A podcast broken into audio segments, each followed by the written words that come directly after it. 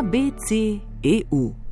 Spoštovani, spoštovane, tokrat ABC v standardni obliki, vnaprej posneto, trije glasovi in tema, ki je v bistvu ni, razen če mi tako rečemo. Ta teden ostajamo dnevno vezani. V minulih dveh dneh so v Luksemburgu, ja, v Luksemburgu, zasedali ministri za zonanje zadeve Evropske unije ter ministri za splošne zadeve Evropske unije. V tem tednu v Strasburu zasedajo evropski poslanci, jutri pa se pozornost preseli v Brusel, kjer se sestanejo voditelji Evropske unije, seveda tudi s popotnico minulega tedna in spora, v katerem sta glavna nosilca, predsednika slovenske in nizozemske vlade.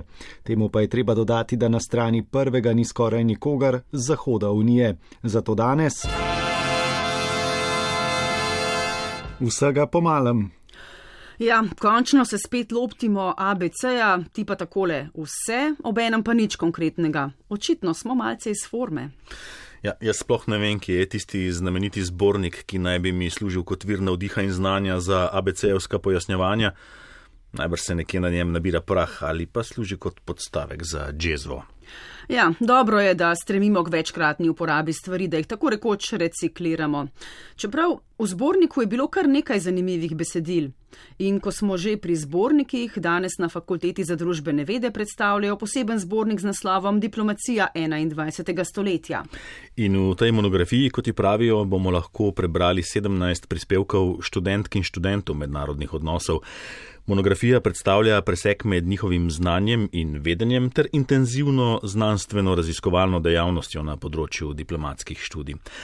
Avtori in avtorice obravnavajo različne tematike sodobne diplomacije, od tistih povezanih z zgodovino nacionalne, to je slovenske diplomacije, pa do sodobnih mednarodno pogojenih vprašanj, naprimer diplomacije v času COVID-19, pa žensko diplomacijo in tako naprej.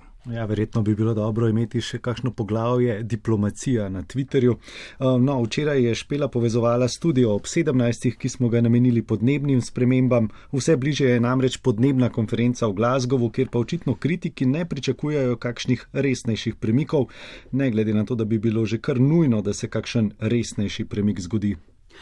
No in Matjaš je tule predvidel, da nekaj povem, kot da ne bi vedel, da minutaža te oddaje ne zadošča za vse, kar bi rada in kar je treba povedati o tej temi. Ampak ja, bistvo je, da se naše ozračje segreva, kar že povzroča hude posledice, še veliko hujše pa bodo, če pravočasno, to je takoj, ne ukrepamo. To pomeni, da moramo bistveno zmanjšati izpuste toplogrednih plinov, kar pa seveda pomeni tudi korenite spremembe v našem načinu življenja. In vprašanje je, koliko smo na to zares pripravljeni, ampak pravzaprav izbire nimamo. V Uniji sicer v teh dneh veliko govorijo o vladavini prava. Posebej je izpostavljena Poljska, kjer je ustavno sodišče pred dnevi predstavilo razsodbo, ki predpostavlja, da v nekaterih primerjih lahko država mirno preskoči evropska pravila ali odločitve, ker naj bi bile v nasprotju s polsko ustavo. Zdaj, bistvo evropskega povezovanja je ravno v tem, da vsi igrajo po istih pravilih, kar pomeni, da je evropska pravna podlaga nad zakoni posamečnih držav, pač v tistih delih, ki jih ureja evropsko pravo. V nasprotnem primeru imamo, kot pravijo primorci, kažin. Ja, tak kažin so pred leti pripravili se veste kdo, ne? Britanci, ko so želeli igrati tarok, niso pa hoteli priznati, da palčka pobere kralja. Sicer pa bomo o vladavini prava kakšno rekli tudi v jutrišnjem studiu ob 17, ki ga bo povezoval Luka.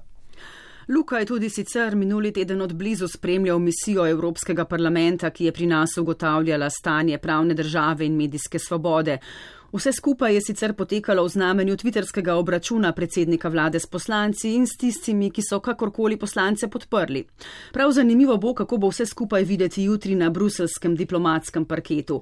Prejšnji teden se je obran konstruktivnosti in dostojnosti postavil tudi vodja sestankov voditeljev držav Charles Michel. No, pa se ni treba, da že danes povemo vse. Se slišimo.